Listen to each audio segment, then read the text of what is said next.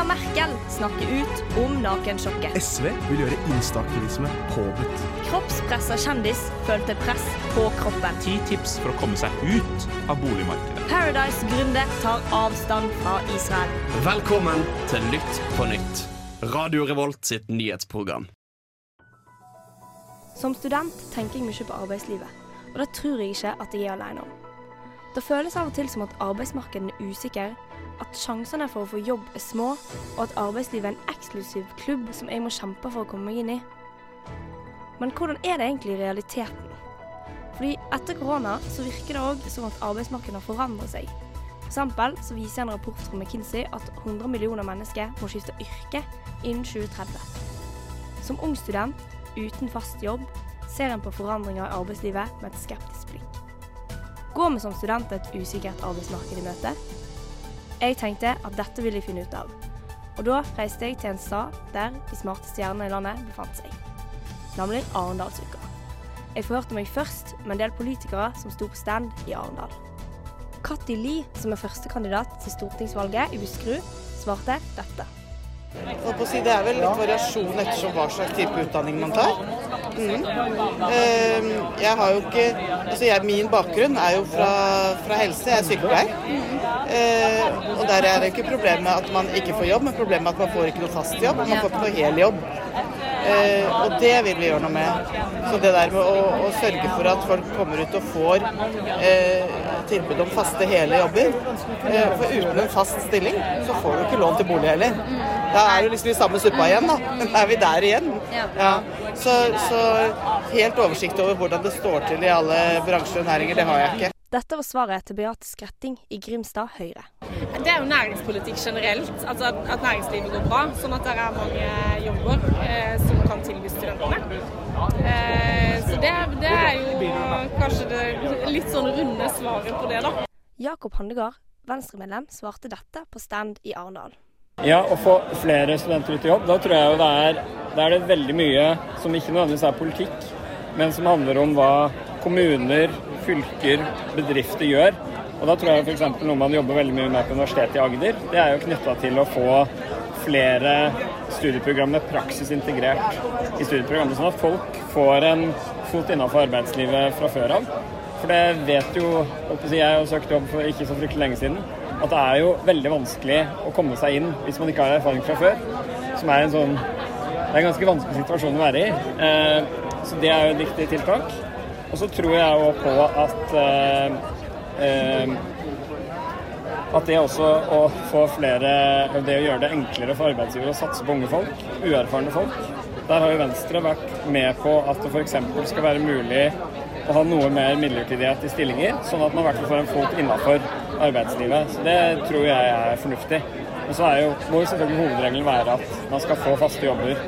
Dette var svaret til Torgeir Knag Fylkesnes, nestleder i SV. Vi kommer til å mangle veldig mye arbeidskraft i tida som kommer. Men det som skjer nå, er jo at veldig mange unge mennesker sliter med å komme seg ut i arbeidslivet. Veldig mange har veldig stor grad midlertidighet, små stillinger, møter et egentlig elendig arbeidsliv. Så arbeidslivspolitikken vår har vært helt sånn avgjørende. Også hvordan unngå at folk havner utenfor arbeidsliv, det er veldig avgjørende. Eh, og at de arbeidet, det arbeidet folk får, blir faste, hele stillinger. Trygge stillinger. Spesielt kvinnedominerte yrker så ser vi at det er veldig mye eh, småstillinger, eh, midlertidige stillinger, som gjør at det blir veldig vanskelig å leve selvstendige liv. Få lån i banken og den type ting. Så det har vi sett en økning av med denne, med denne regjeringa. Vi ser også en veldig ekkel utvikling med unge mennesker som omtrent aldri har vært i berøring med arbeidslivet. Bare går rett ut av arbeidsstyrken og inn i trygdeytelser. Det er helt utrolig. Det er stygg utvikling. Så det må vi, vi må få de ut, og så må vi hindre at det skjer. Der er det veldig mange ulike typer tiltak. Men vi kommer til å trenge masse folk fremover. For du så de prosjektene her. Det er noe det er, bygge, det er byggetid. Eh, og, og, da må alt vi har som kan finnes, alle som kan tenkes å gjøre en eller annen form for innsats, kommer vi til å trenge. Det er også veldig, altså ofte sånn at det er veldig høye krav. Du må ha master for å kunne få jobber. Så skal du helst ha masse erfaring, og så skal du være ung og litt sånn nytenkende. Eh, er det noe Tror du at man kan på en måte få senka kravene, eller må man liksom gjøre om på et helt system for at unge skal kunne få seg en jobb uten å måtte sitte liksom sju år da, på universitetet? Ja, vi har tenkt liksom, altså for Det som er noe rart med universitetssystemet, det er at du skal liksom være ferdig eh, etter fem år. Så skal du liksom være ferdigutdanna for hele livet. Så vi har tenkt litt mer sånn at du kan ha som 20-årsuniversiteter. At du har en utdanning, du går inn i, ut i arbeidslivet, du kommer og så tar du mer utdanning og ut i arbeidslivet osv. Du har mye mer en sånn vekselvirkning. Eh, og det tror vi er mye klokere. For det, liksom, det, du, det jeg lærte Jeg, min, jeg er hovedfag i, gamle hovedfag i filosofi fra 2002. Og så skal jeg liksom jeg være ferdig for life. Liksom. You're right. Altså, det, det, er ikke sånn det er. Så, um, så jeg tror at um, jeg tror vi må tenke helt nytt på hvordan utdanningen er skrudd sammen. og Ha det mye mer sånn vekselvirkning. Tidligere ute i arbeid, og så kunne gå tilbake i utdanninga. Og da er jo alltid for studielånet å rigges om, Ja. eh, og for, for øvrig også løftes ganske mye. Sånn at det, det, det er mulig å leve, for, leve på det. For Der er det også en stor sånn, sosial maskin. De som har penger, de som får 5000 kroner i måneden eller et eller annet sånt fra foreldrene. Ikke sant? Mens de som ikke har det, som får veldig sånn skjevfordeling der. Disse svarene ga meg jo et lite overblikk, men jeg opplevde at jeg trengte å finne litt harde fakta fra det store internettet. Nærmere bestemt SSB. Så her kommer et par korte fakta som er greie å ha med seg. Arbeidsledigheten for folk mellom 15 til 74 ligger på 5% Arbeidsledigheten for folk mellom 15 og 24 ligger på 11,5% altså litt høyere enn den statistikken som inkluderer eldre. Den midlertidige ansettelsen er høyere blant unge enn blant eldre. Og det er på den ene sida et tegn på at det er vanskelig å få fulltidsjobb, men på den andre sida et tegn på at unge kommer seg inn i arbeidsmarkedet. Vi vet jo at ca. 50% av de som har midlertidige stillinger, får fast jobb etter et år. I tillegg så er det 1 199 000 personer som ikke jobber, men heller ikke regnes som arbeidsledige. Det er mange grunner til at personer ikke regnes som en del av arbeidsstyrken. F.eks. at folk er under utdanning, er uføre, pensjonister eller jobber hjemme. Altså de folkene som har en grunn til å ikke jobbe, eller å ikke søke jobb. Med den informasjonen tenkte jeg at det kanskje kunne være lurt å få et overblikk over hvordan arbeidslivet er, og forstå hva politikerne mener. Jeg valgte å delta på et arrangement på Arendalsuka som heter Arbeidslivets toppmøte. Arbeidsminister Torbjørn Røe Isaksen påpekte at det viktigste tiltaket for å forhindre arbeidsledighet er å få fart på Norge igjen, og at private bedrifter må skape jobbene. Dette syns jeg var et typisk Høyre-svar. Men Torbjørn Røe sa òg at vi trenger ikke blåse opp tallene og late som om arbeidsmarkedet er verre enn det er. Og det var betryggende for meg som student å høre. Kanskje ikke det er så gale som vi trodde det var. Han sier òg at det er flere fagorganiserte, gjennomføring på videregående øker, og det er færre midlertidige stillinger. Problemet han identifiserte, var at andelen unge uføre øker, og er et stort samfunnsproblem.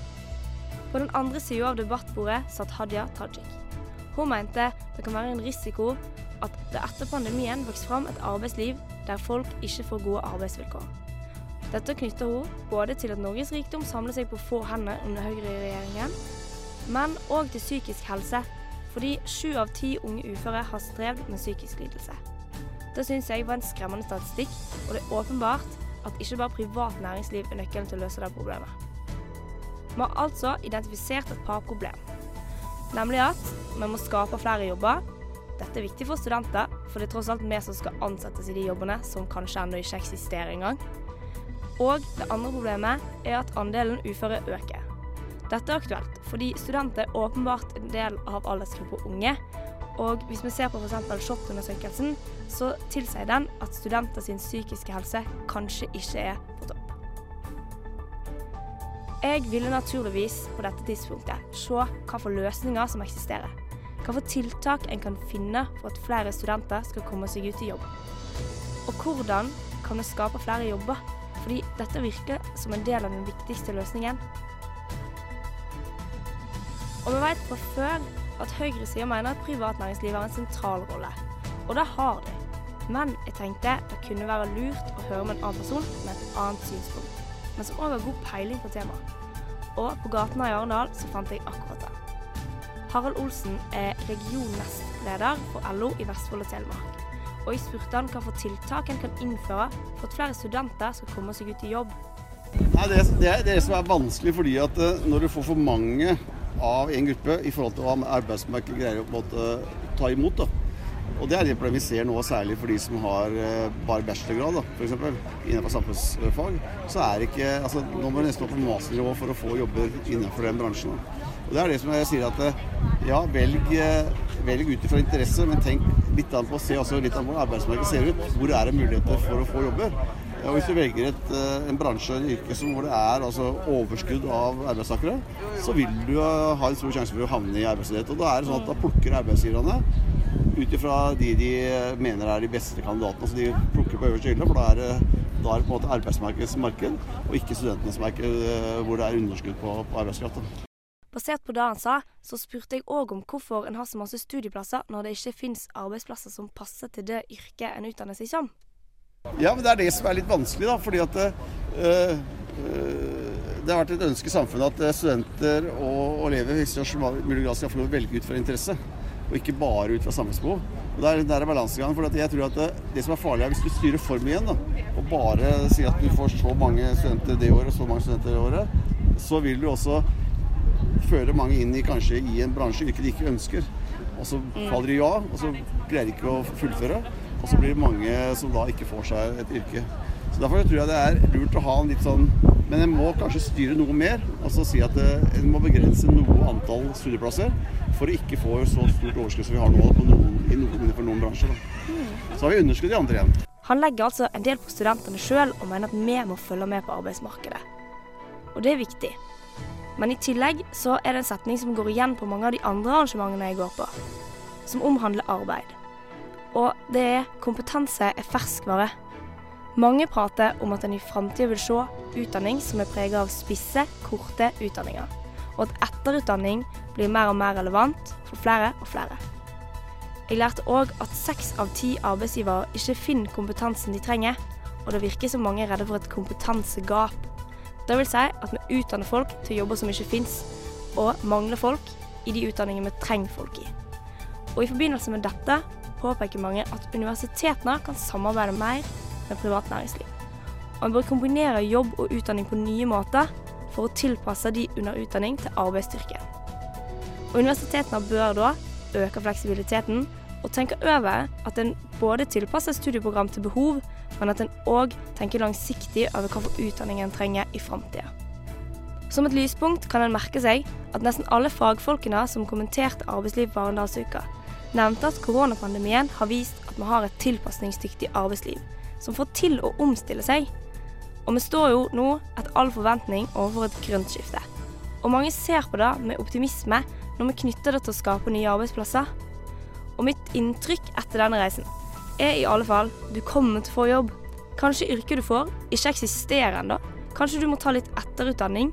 Men poenget er at alle er interessert i at flest mulig skal være i arbeid. Og det er en trygghet å tenke på som en student som ikke ser helt hvor hun skal ende opp. Du har lyttet til en podkast på Radio Revolt, studentradioen i Trondheim. Sjekk ut flere programmer på radiorevolt.no.